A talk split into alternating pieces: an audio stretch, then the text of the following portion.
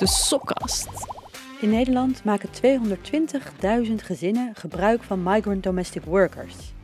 Huishoudelijke hulpen uit Indonesië, de Filipijnen of Brazilië, die Nederlandse huizen schoonpoetsen, de economie draaiende houden, maar omdat ze vaak geen papieren hebben, nauwelijks worden beschermd. Voor deze vrouwen geen ziektedagen, vakantieverlof, sociaal vangnet of pensioen. In deze speciale aflevering van de Sopkast praten we over de ontzettend moeilijke situatie waarin de huishoudelijke hulpen nu zitten. We horen verhalen van trotse schoonmaaksters die met veel plezier gezinnen ondersteunen. Maar we horen ook over uitbuiting en seksueel misbruik. Wat moet er nu echt veranderen om het leven van deze vrouwen hier in Nederland een beetje meer glans te geven?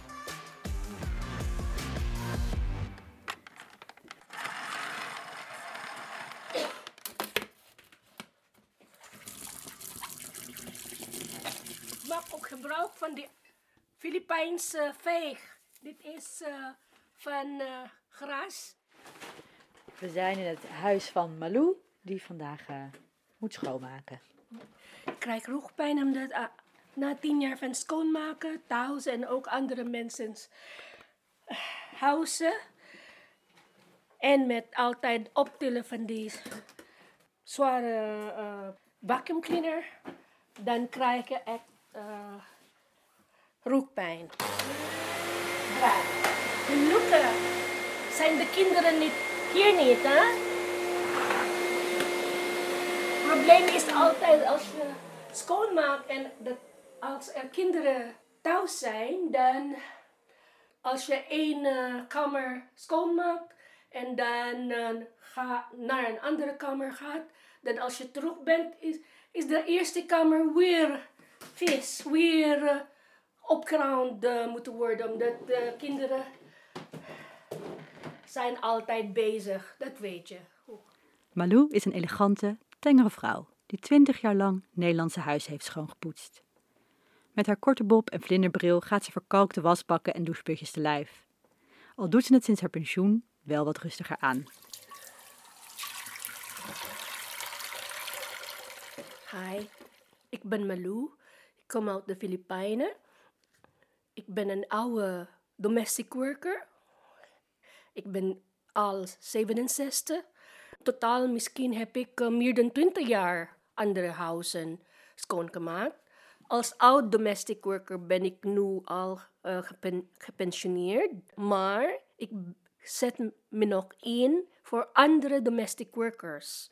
Dus ik ben bezig met de vakbond. Ik ben in eh, de FNW, Migrant Domestic Workers, eh, voor meer dan 15 jaar nu. Tot nu toe is domestic work niet gezien als werk. Er zijn heel veel andere vrouwen zoals ik, die tot nu toe dagelijks 8 uren tot 12 uur werken als domestic workers, maar hun werk is niet erkend als echt werk.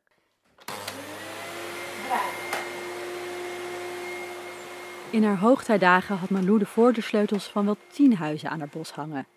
Net als duizenden andere migrant domestic workers zorgde ze ervoor dat de bewoners zo naar hun werk konden gaan. Al die gezinnen vertrouwden haar stuk voor stuk met hun hele hebben en houden. Waarom straalt het Nederlands beleid voor vrouwen zoals Malou dan alleen maar wantrouwen uit?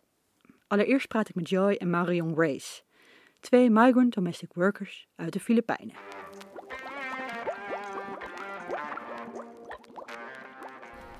Hi Joe and Marion Grace. Welcome in the studio of Tolhuis Tuin.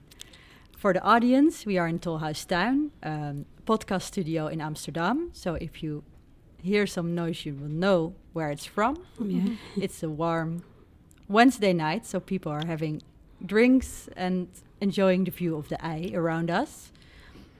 Both of you are from the Philippines. You are in the Netherlands for several years now. Uh, you take care cleaning houses, taking care of children, and you are here tonight to talk about your personal stories and about that what needs to change in the situation for migrant domestic workers.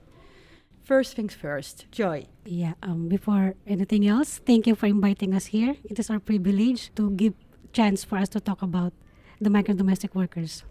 Uh, my name is Joy Escaño. I am from Philippines, and I'm working as domestic worker for 17 years now in the Netherlands.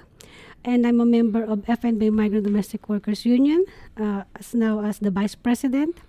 And I'm also one of the founder of Filmis, which called Filipino Migrants in Solidarity. And what about you, Marion Grace? Uh, first of all, um, good evening, everyone, to all our listeners, and also thank you for giving us another wonderful platform to speak on behalf of the undocumented migrant workers in the city, or I mean, not only in Amsterdam, but also in the whole Netherlands. So, yes, my name is Marion Grace, and I am from the Philippines, and I have been here in the Netherlands for almost nine years, I suppose.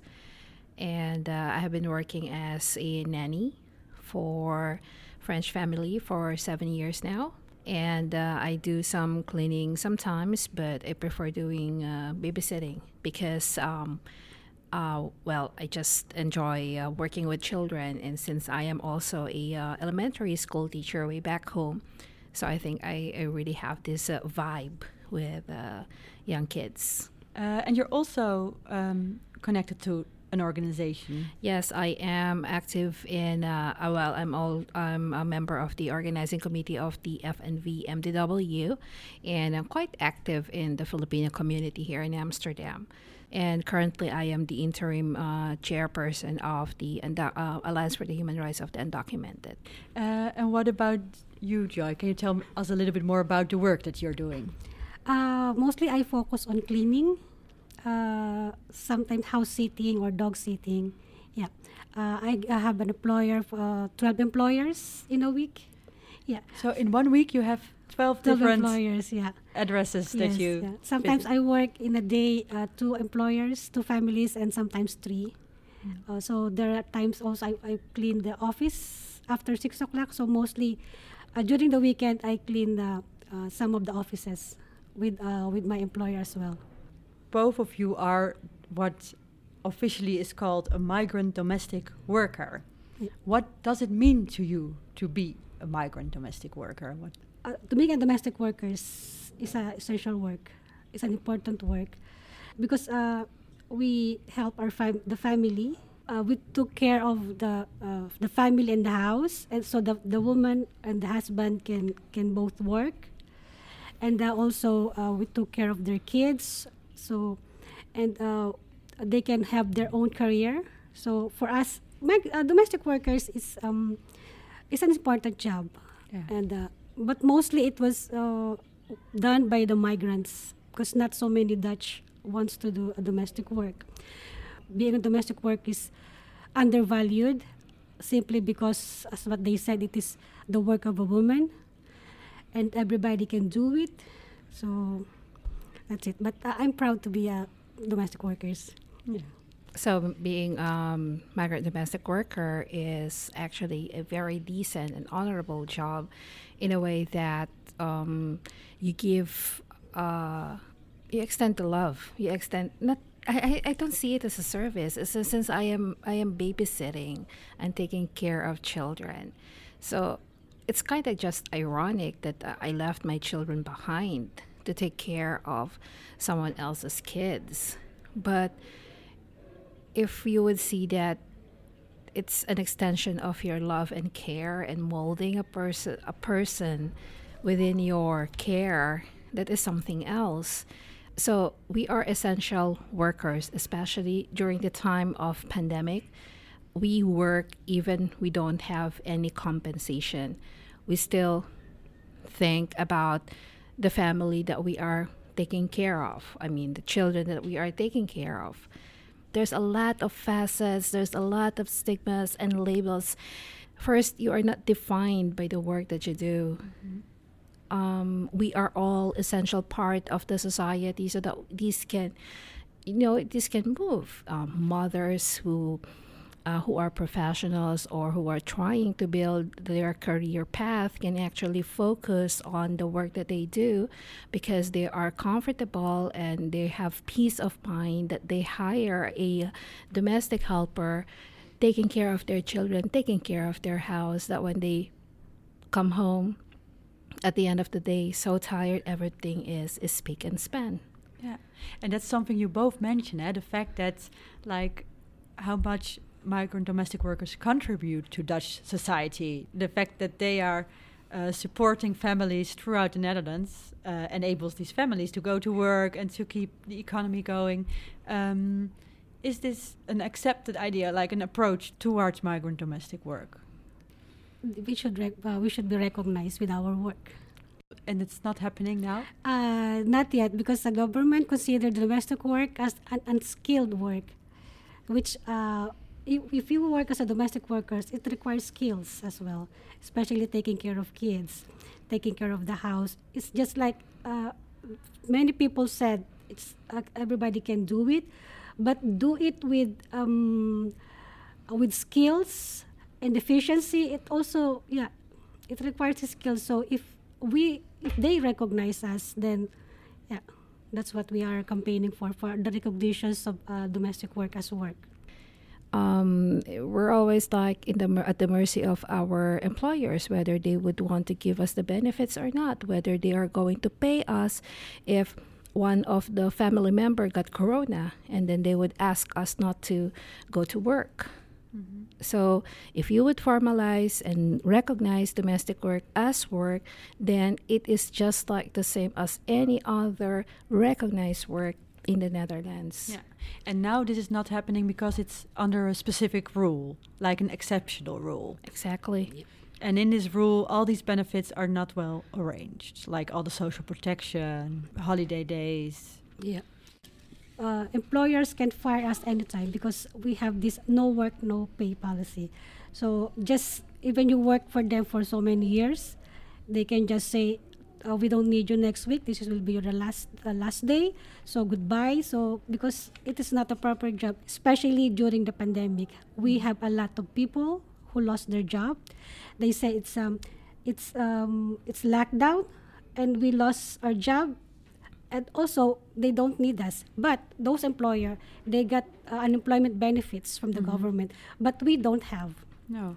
No. So it's like um, we are the one of the most vulnerable uh, uh, uh, uh group yeah. in the society when it comes during the pandemic. Yeah, so because first of all, there is that the fact that um, domestic work is not recognized as work, and yeah. then there's a second factor: you're uh, maybe without official papers, and that yeah. makes you even more vulnerable in the situation. Yes. Yeah, and also they don't pay us. So yeah, so did did you experience this as well during um, COVID times? Was it hard? Yeah, it is very, very hard for us. Um, we have situations like in, in my case, the first three weeks of full lockdown, we don't have anything. So we try to, to, to negotiate with the employer. We tell them, look, um, we if you uh, if we don't work, then we don't have income, we don't have food, we will be kicked out in the in the place where we stay. And uh, there are some who who are good enough to pay half. But many with the situations of undocumented majority of the employers they don't give any compensations at all because they said they're also a victim of pandemic. But for us uh, we don't get any um, um, assistance from the from the government because it was not recognized and because we are undocumented Indeed. Just like what I said a while ago, that we are always uh, at the mercy of our employer. The fact that uh, this is the situation and, uh, of an unrecognized worker in the society, but contributing something to the society, that, that we keep on talking about anti discrimination policy, yet we are still putting this group of people behind the shadow. And just being too comfortable not to talk about it, even if we don't, uh, even if they know that we actually exist. Yeah. And to work here in the Netherlands every day to contribute to Dutch society and to the economy, like you both do, uh, clean houses, watch after children, um, from a position of an undocumented or um, domestic worker. How does that make you feel? Like um, from a personal point of view? Um, well, I am actually in front of policymakers and union officials, like we are in the same platform talking about the welfares of, uh, of, of, of workers, yet we feel that we are just being treated as accessories like hey we are talking about uh, undocumented we are talking about the vulnerable and the oppressed uh, sector in the society yet we are like sitting here waiting in vain for almost a decade. Like is it still worth it fighting for these rights? Of course it does because um, the rights that we are fighting the things that we have as workers are being given without any blood, sweat, and tears. They are not given for free. And what we are actually demanding is look into the situation of of us. Like that is why we are already telling the government that we are so more than willing to pay tax. We want to pay for our own health insurance, for our own health provisions so that we would not be beholden to anyone because we are contributing of the part of our income that we send to our family is actually just a small part. I mean most of the money that we earn here we also spend it here. So i really don't get the point that this has already this has all, only been being put in the agenda just to say that we have talked about it. Yeah. So enough talking, time for action. Exactly. That's what you're saying. Now, one of the ways that you are moving towards action is with the Migrant Domestic Workers Union. Uh, Joe, you are the vice president there. Can you tell me a little bit more about this organization? Mostly migrant domestic migrant domestic workers uh, members are coming from Asia, Africa, and uh, Latin America, and uh, they are mostly women um, coming from poor countries, and uh, they mostly work on private houses. Yeah, um, the right now the union is campaigning for the labor rights of domestic workers um, and the recognitions and uh, for the government to recognize the domestic work as a real work like other work. Our long-term goals is of course the ratifications of uh, ILO C189 and also the work permit for those who are already here. Yeah. Like for you in your daily life, what is the most pressing issue that you face that you would really like to see changed? Uh, of course, our situations of being documented. We we want to have a work permit yeah. yeah. And because with a work permit, what would change for you? Uh, then we can have uh, social protections. We can have contract and uh, uh, we can have unemployment benefits. Uh, and also uh, that makes us less less vulnerable being exploited. Yeah, because there is still there's still uh, situations where people are being exploited. Ah, yeah. There's Can you? I personally been exploited hmm. on my first year here, which I I have no idea that uh, I am being exploited already. So I work uh, six days a week for five o'clock until eleven o'clock in night. So five o'clock in the morning, and I work until eleven uh, at night, and I they only paid me for three hundred euro a month. A month. Yeah. And this was six days a week. Six days a week. From five o'clock until eleven in the yeah. evening. I I because the my first the first family that I work with is um uh, they have a sort of um, a store. So a grocery store. So uh, what they did is I help uh, the wife to prepare food from five o'clock because they still have small uh, authentic food. So I help her prepared the food from 5 to 8 o'clock. And from 8 o'clock until, let's say, 12 o'clock, I clean the house. Uh, I do all the stuff. And by 1 o'clock, uh, the husband pick me up and uh, I work in the store, mostly in the stock room where I have to clean everything or I have to arrange everything. So I work there um, until closing time. Or if it's a uh, abon, then we have to work until 10. And then when we get home, we have to prepare dinner. So normally we have dinner around 8. And uh, after that, I have to still um, clean the kitchen or in the dining room. So my work ends around 10 o'clock on that time. And I don't have um, my own space. I live, uh, they have one son where I live on the second uh, bed. Uh, uh, because uh, I, I I stay in the in their 10 years old son in the room. So they have to, to do you call it, uh, double deck. Yeah. So I sleep on the top, top bed. But then, you know, sometimes kids, 10 o'clock or every Friday, ki- uh, friends come there overnight. So that makes me uh, don't have enough rest. So by that time, I thought uh, it's okay. I thought being 300 euro, I'm new here, I don't have anyone, I don't know any rights. So I thought it's a big money already. So until uh, I some I met some of my uh, Filipinas in the store, and they know my situations, and they said, uh, "You are being exploited already." So and then they saw that I really got sick. So I mean, my health got depreciated. So and uh, somebody helped me to to escape from the from my employer. So I have to move to another city because I've been threat. And also on You really had to escape. Like Yeah. it was not that you could end your working arrangements. uh, I'm scared to to tell them that I want to stop. Yeah. Yeah, because uh, they might report me to to the police, and also they promised me that they're going to have a big restaurant, and I will be working with a big restaurant with a permit. So they promised me that they're going to arrange my papers, which I thought is possible. Only to realize that uh, it's all just uh, an empty promises. And do you remember like the idea that you came to the Netherlands with? Uh, did you know what you were going to do here?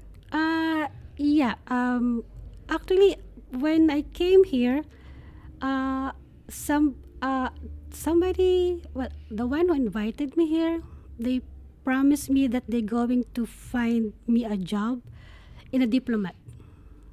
They say, uh, when you come here, we uh, you will have a job in a residence in a diplomat. in the house of a diplomat. Yeah, so it means I can have papers. Hmm. But then, uh, when I came here, uh, I find out that there is no employer. And I have to pay 3,000 euros for the sponsorship of that, uh, the one who sponsors me here. So, so they said you are being also uh, uh, a victim also of human trafficking, Yeah. which I have no idea. Yeah, I was so ignorant and innocent at that time. So I thought How old were you? at 32, Yeah. yeah, on that time. So And for that, like for this arrangement, you had to pay three thousand dollars, I euros. Yeah, yes. Yeah, and then it was not even true. No, but No. I really have to pay because I don't want to go back yet.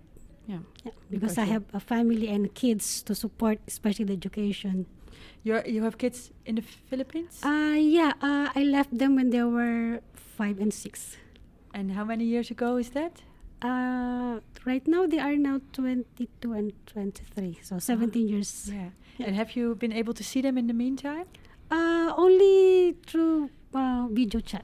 Yeah. Yeah, because uh, I cannot go back yet. Because when I go back, then I will be um, five year ban, no, no entry ban here. So Back in the Netherlands. no, I cannot come back to the Netherlands. Okay. Yeah, I And- will have an entry ban. So that's why we call it a one way ticket to go back home. Mm, Yeah. Yeah. Uh, you were mani- you managed to get away from that first really exploitative situation. Yeah. Situation now is better. You mentioned you have several uh, Employers. several employers, several arrangements. Yeah. Um, uh, how would you describe your? s- How do you feel about your situation right now? Uh, well, it's better than before, but there is still uncertainty because uh, employers can can easily um, uh, how do you call it terminate us, and uh, sometimes um, there are there are even some employers who who exploit us. Something like um, they give us a lot of work Yeah. in a lesser time. So we just have to negotiate, or you just, you just have to be firm. Uh, for this hour, it's only these are the things that I can do if you want, because there are some employers who really push the limit. If you always yes yes, or they keep adding, um, they keep adding uh, uh, s- Mo- more chores, more yeah. chores, yeah. So I still uh, it's better than before, but still vulnerable and still uncertain. No. And then what do you wish for your daughter? Would you say to her like, "Come here," or would you Uh, advise her not to? Uh, if I told them if they want to work um, uh, outside the Philippines, not a situations as mine. I want them to. I mean, it's good that they can work outside so they can have um, broader knowledge. I mean, it's not that like oh, Philippines is only the world that they know. It's nice for them to to know the situations uh, to broaden their knowledge about uh, international uh, life and things like that, but uh, not as uh, undocumented. Right? I, I'm proud to be domestic workers. If my daughter said I want to be domestic workers because it's pay higher than here, because that's what we always said that our salary here is equivalent being a manager in the Philippines. Yeah. Yeah, that's why I told my my daughter said, if they tell you that your mm, uh, mother is a domestic worker, you tell them then she has a salary of a manager. Exactly. and then they. yeah, but I I want no- them to to work abroad as well. But uh, the career that they've chosen. Yeah. Yeah. Ah, Sarah. Dag Harry. Goedendag. Treed binnen in mijn kantoor. Ja, ik ben nu bij Harry Hogeboom. En eh, ik stap in de auto en volgens mij is dit dus ook jouw mobiele kantoor. Ja, de afgelopen jaren eh, heb ik wel heel veel hier uitgewerkt. Zeker tijdens de lockdown en alles eh, wilde mijn eh, vrouw en mijn dochter eh, graag dat ik af en toe ergens anders ging communiceren. En dat is- is dan je mobiele kantoor van de FNV. Want we moeten je natuurlijk eerst even voorstellen. Ja, eh, correct. Ik ben Harry Hoogboom. Ik ben bestuurder FNV, FNV schoonmaak, eh, beveiliging op Schiphol. En eh, ik ben een tijd eh, bestuurder voor Migrant Domestic Workers geweest. Ik eh, sprak met Joy en Marion Grace in de Tolhuistuin. En zij vertelde mij al over het nou, ingewikkelde leven van een migrant domestic worker hier in Nederland. Waarom ben jij en waarom is de vakbond zich daarvoor in gaan zetten? Ehm, als ik het me goed herinner, ehm, hebben de migrant domestic workers zelf ehm, met hun eh, gemeenschappen eh, de toenadering naar de vakbond gezocht. Volgens mij in 2006 of 2007. Eh, dus die zijn vanuit de Filipijnse gemeenschap, vanuit de Indonesische gemeenschap, Zu- Zuid-Amerikaanse gemeenschap, eh, aantal Afrikaanse mensen. eh, plus een aantal eh, ondersteunende organisaties zijn ze langs gegaan bij Abfacabo in de tijd FNV. En hebben daar gevraagd om aansluiting te zoeken bij, bij de vakbond. Nou, dat is op een gegeven moment, dat is vrij snel, stuitte dat op discussie en bezwaren intern. Eigenlijk de discussies en bezwaren die ook in de maatschappij eh, leven ten aanzien van ongedocumenteerde mensen.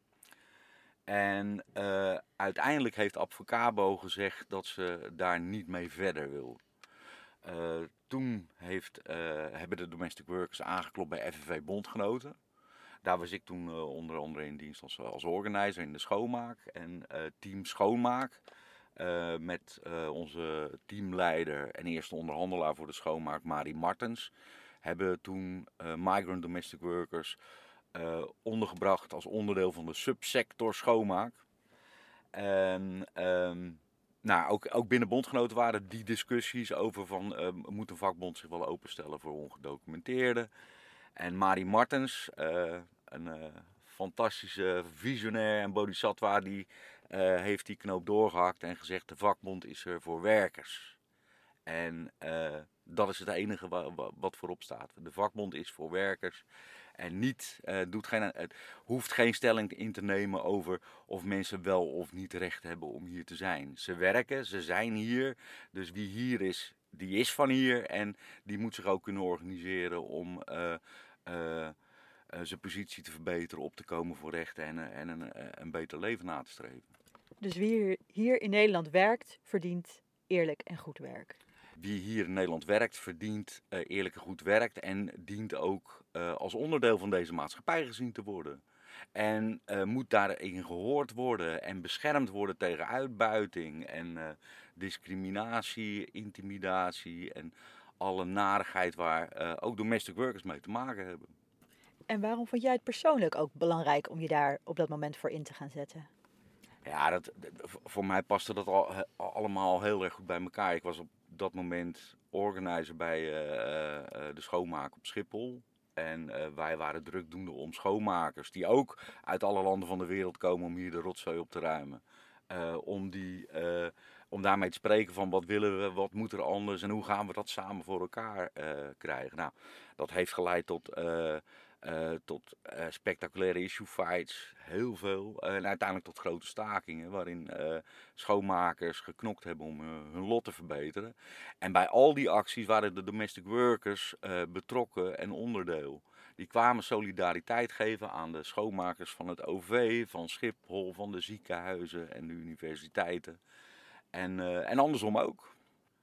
En ik heb dat van heel nabij gezien. En ik ben er ongelooflijk trots op dat wij dat als vakbond hebben, eh, hebben opgepakt. En hebben jullie ook al iets voor ze kunnen betekenen? Is er in die jaren iets verschoven, verbeterd? Ja, ik denk het wel. Ik denk dat we eh, met elkaar, eh, de, dat de migrant domestic workers als vakbond ervoor gezorgd hebben dat ze zichtbaar zijn geworden. Dat hun, pro, eh, hun issues en hun bestaan gewoon uit de onzichtbaarheid is getrokken. En zichtbaar is geworden eh, richting de politiek, eh, richting de samenleving. En ook binnen de vakbond. Want ehm, ja, maar zodra het over mensen gaat die ongedocumenteerd eh, zijn, hebben mensen het al heel snel over een soort van halve criminelen en illegale en die zouden hier niet mogen zijn. Migrant domestic workers, die werken hier bij mensen thuis, maken het mogelijk dat mensen andere dingen kunnen doen, kunnen werken. Ze leveren een enorme belangrijke bijdrage aan eh, onze economie en samenleving. Ja, dat is ongelooflijk hè, dat we aan de ene kant het woord hebben van ongedocumenteerde en dan hebben we allemaal onze schoonmaakster.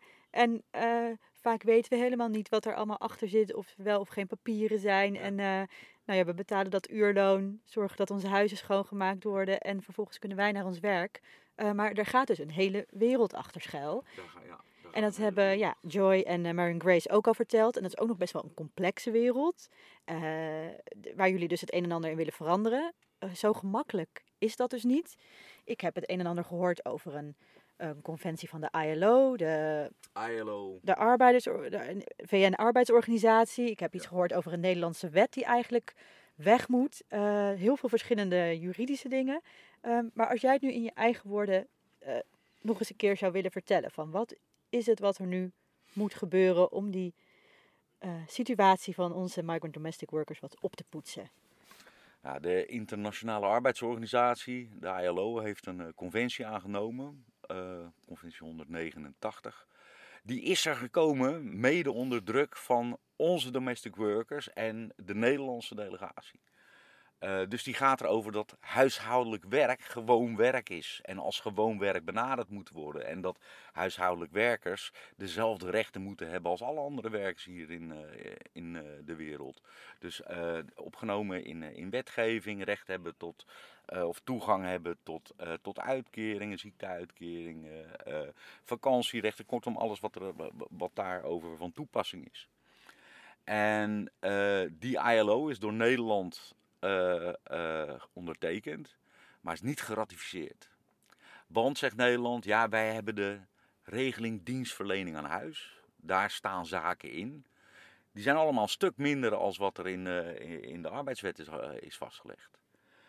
Dus dat is één wat moet veranderen. De politiek moet ervoor zorgen dat Nederland dat verdrag erkent en overneemt en huishoudelijk werk tot gewoon werk maakt. Twee is dat de mensen die wij vertegenwoordigen als migrant domestic workers, ehm, die, hebben eh, die doen dit werk vanuit eh, ja, ongedocumenteerdheid. En eh, de Nederlandse politiek, de samenleving, moet erkennen dat die mensen er zijn. Dat die mensen ook niet weggaan, omdat het volgens onze wetten niet zo zou mogen zijn. Die mensen werken en soms hier al tien jaar, tientallen jaren. Ehm, en die, eh, die maken een groot gedeelte uit van uh, de workforce die huishoudelijk werk doet. Um, daar, da, daar moet mee meegesproken worden en daar, moet, daar moeten andere ehm, regimes voor komen. En uh, domestic workers zijn niet uit om als groep uh, allemaal de Nederlandse nationaliteit te krijgen. Maar ze willen het recht om hier gewoon te kunnen werken, belasting te betalen en verzekerd uh, hun, uh, hun service aan te bieden. Ja, want dat is gewoon eigenlijk een van de dingen die ze vragen. Laat ons alsjeblieft belasting betalen. Ja, precies, precies. En dat, voor migrant domestic workers is het allerbelangrijkste dat hun werk erkend wordt en dat ze hier op een veilige manier kunnen wonen en werken. En uh, dat zou kunnen als we uh, uh, met elkaar, als de politiek en wij als samenleving, nieuwe arrangementen bedenken. waarop iemand hier op tijdelijke basis dit soort services kan aanbieden. Nogmaals, als er een CEO uit, uit Engeland, of nou, Engeland is misschien niet zo'n goed voorbeeld, maar als als uh, mensen met hoge salarissen in de academische wereld of in het bedrijfsleven uh, naar hier komen, dan uh, is dat mogelijk. Dan zijn er allerlei mogelijkheden om uh, officieel en hier gewoon te mogen zijn en te werken. maar als het gaat over de onderkant van de arbeidsmarkt, dan is er opeens een, een grote taboe rondom en, en worden mensen gecriminaliseerd. Uh, er is dus een belangrijke rol weggelegd voor de overheid. Die ILO-conventie zou ondertekend kunnen worden. We zouden ook kunnen erkennen dat er heel veel mensen hier zijn die nu zonder papieren zijn. En misschien dat er met work permits of noem maar wat iets zou kunnen gebeuren. En ik kan me ook voorstellen dat de werkgevers, dus jij en ik, al die mensen die migrant domestic workers in huis hebben om ons huis schoon te maken, dat wij nog iets zouden kunnen betekenen. En daar praat ik dan zo meteen met Joy en Marion Grace nog over verder in de Tolhuistuin.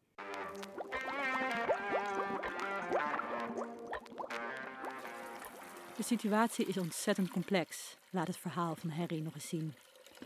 Terug bij Joy en Marion Grace, in de Tolhuistuin, is de vraag of de werkgevers, al die Nederlandse huishoudens, jij en ik, of wij niet wat kunnen doen. Yeah, because I also know many people who have somebody who supports them in um, as a housekeeper, and they feel like I want to do it right, but I'm not sure how to do that. Uh, we right now we are we are we are planning to have an experts together with the with a working group, our employers group. We will have experts to explain to them what uh, what needs to be done, uh, how to lobby, and how to fight for the rights of their workers. Yeah, great. Because uh, as you know, that there are so many employers who are actually um, supporting this campaign for the recognition of uh, their domestic uh, workers. Yet they are ap- afraid because the government is actually focused on penalizing those who hire undocumented even if they really want to go out there and shout to the whole world, like, hey, I'm supporting my cleaner, my undocumented nanny, go give them the rights to, you know, the, the, the recognition, they really couldn't do that. And also, um, it would be very helpful. Actually, we have been starting within the, as, as Joy said, with the working group committee to organize the employers. And uh, we're talking to big institutions that could also help us, the civil society group. And in fact, one of the purveyors of that campaign is actually with us here in the studio. And I'm so proud of that woman.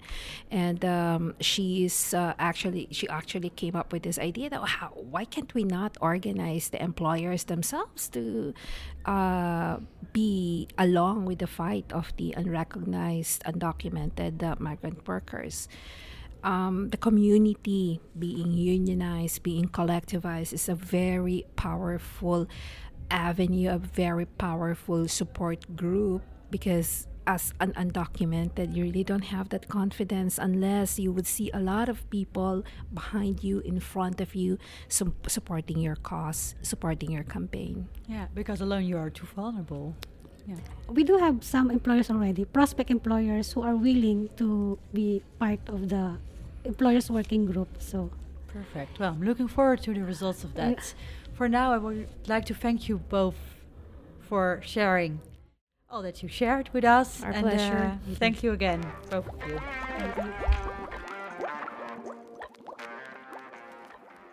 Dat die werkgever het leven ook tot een hel kan maken, dat vertelt het verhaal van Noor.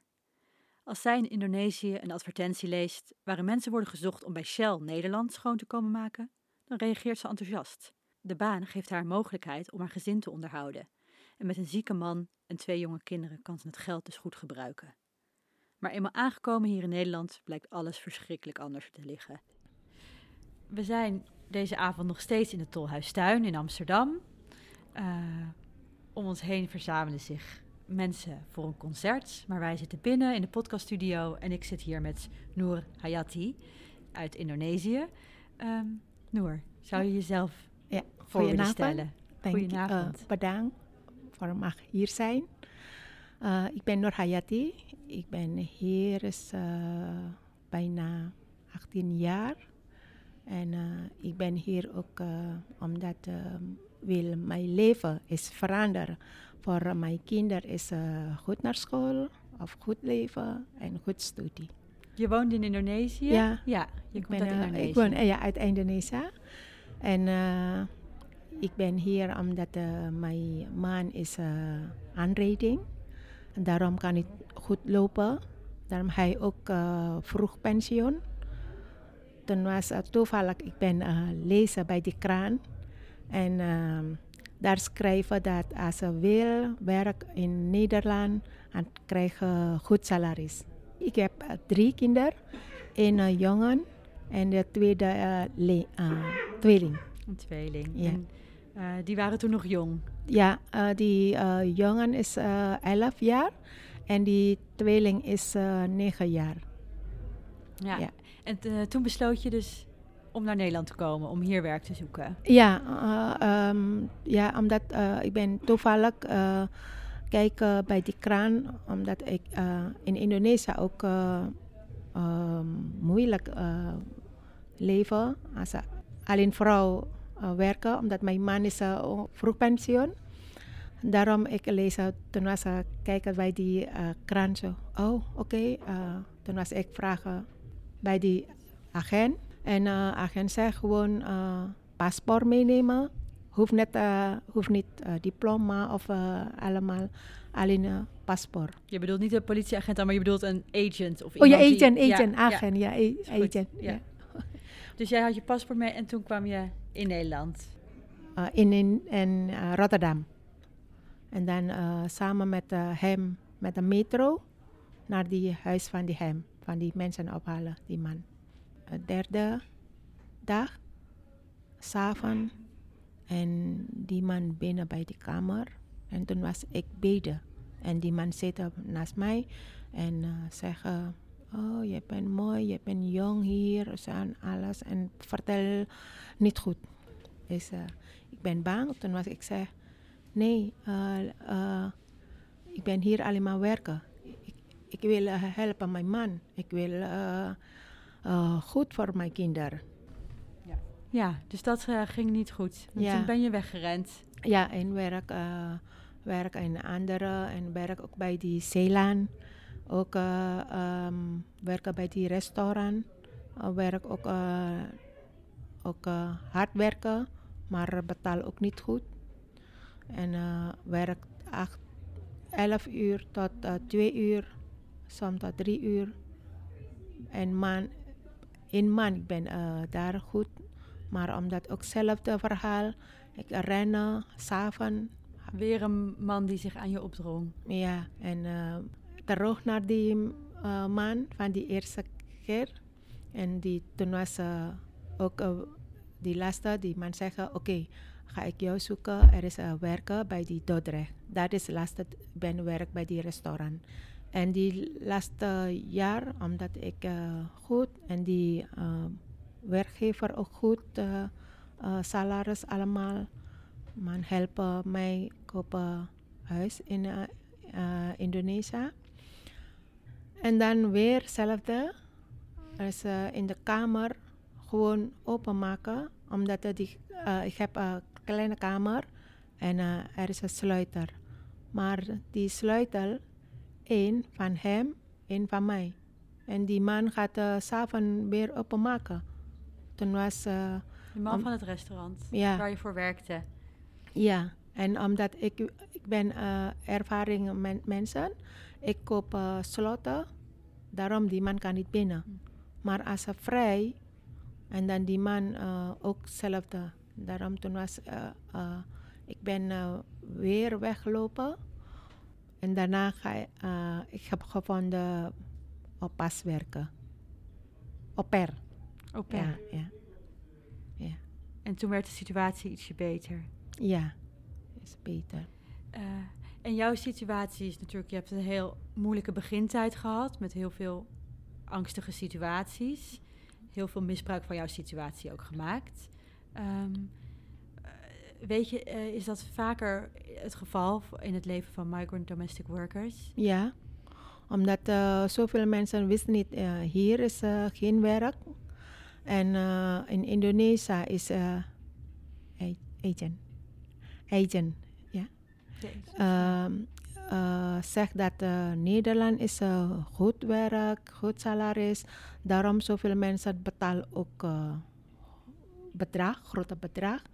En, en hier ook weten niet als werk of huiskamer gevonden. Daarom is het een moeilijke situatie voor mensen zonder papieren hier. En Maar wat maakt de situatie zo moeilijk? Omdat niemand kent. En eh, wie gaat kent niemand. Ja, ik ken niemand. En eh, niemand gaat helpen. Daarom eh zo moeilijk. En weet niet alles van die wet van hier. En ook als ze gevonden werken, ook bang als ze die mensen ook misbruik of alles. Ja, wat jij natuurlijk ook al aangaf, dat als je dan een baan vindt, dat je Ja. dan... Hoe lang moest je werken in dat eerste restaurant, zei je? Acht uur, eh, elf uur, Elf uur beginnen ja, tot eh, twee uur, tot twee uur s'nachts, elke dag. elke dag. En nou, je, je vertelt net van, je hebt echt van alles meegemaakt hier in Nederland als Ja. eh, eh, gemigreerde werker. Ja, en je vindt ook dat die situatie veel beter zou kunnen. Inmiddels ben je nu ook voorzitter zelf van de Mi- Migrant Domestic Workers Union bij FNV. ja.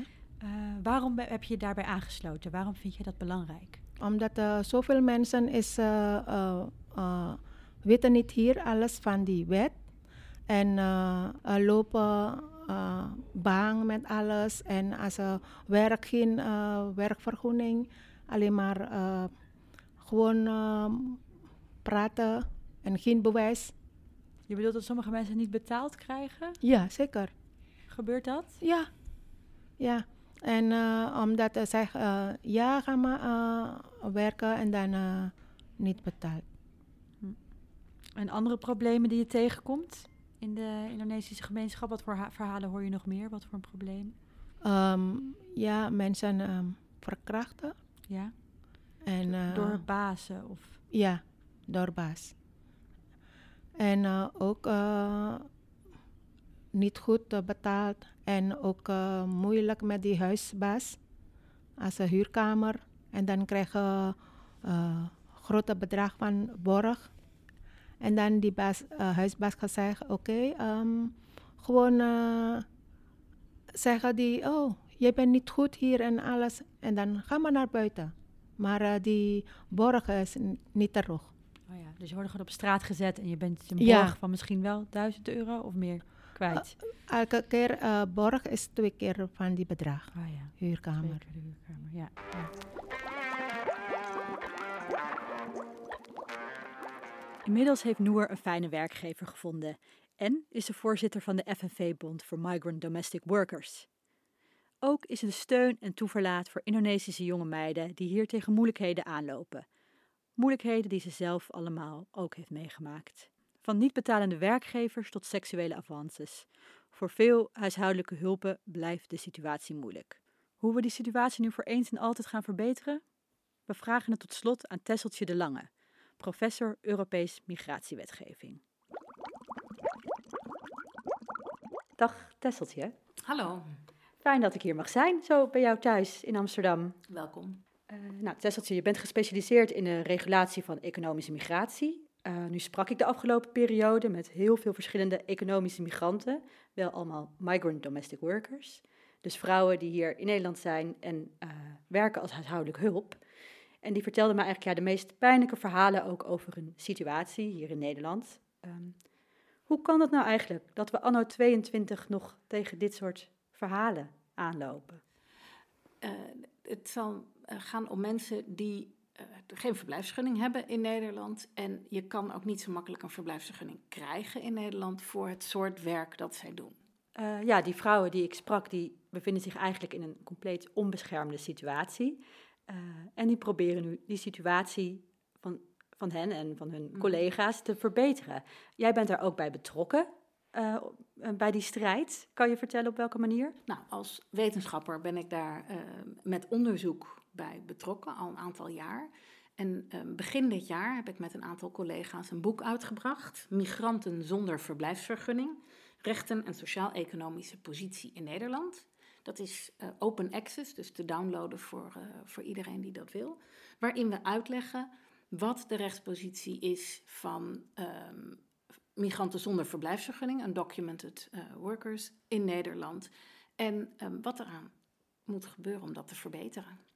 Ja, leuk. Je hebt het boek hier ook op tafel liggen voor de mensen, voor de luisteraars. Het is een coverbeeld met een grote oranje schoonhandschoen die met een, het welbekende gele sponsje uh, in de weer is. Uh, we hebben een aantal projecten uh, gehad de afgelopen jaren die um, gaan over de um, werkomstandigheden, de sociale omstandigheden, de woonomstandigheden van mensen zonder verblijfsvergunning en hun rechtspositie. En wat denk ik belangrijk is om aan te geven, is dat zij geen verblijfsvergunning hebben, maar als zij werken, zijn ze als werknemer zeker niet rechteloos. En de rechten die zij hebben als werknemer, daar um, verdiep ik me in en maak ik me hard voor dat die rechten worden nageleefd.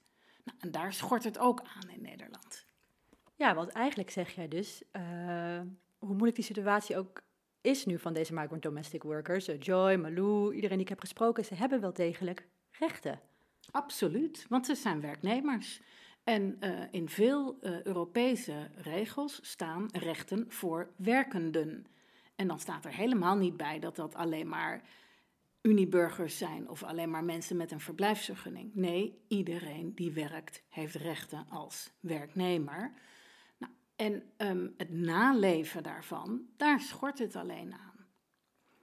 En uh, ja, nog zo'n moeilijke vraag. Hoe gaan we er dan voor zorgen dat die rechten eigenlijk die deze vrouwen als werknemers hebben, of dat nu met of zonder papieren is, uh, ja, hoe, hoe, hoe ze die ook krijgen en zodat hun situatie wat verbetert? Ja, nou allereerst is het dus heel goed dat je deze podcast maakt, omdat het belangrijk is dat mensen weten dat zij deze rechten hebben. Um, daar, dat is het eerste. Ze moeten dat zelf weten, maar ook degene met wie zij werken of degene waar zij eventueel naartoe gaan om hulp te vragen. Of dat nou een, een rechtshulpverlener is of een ambtenaar of een, een buurvrouw of een werkgever. Iedereen moet weten, zij hebben als werkende rechten.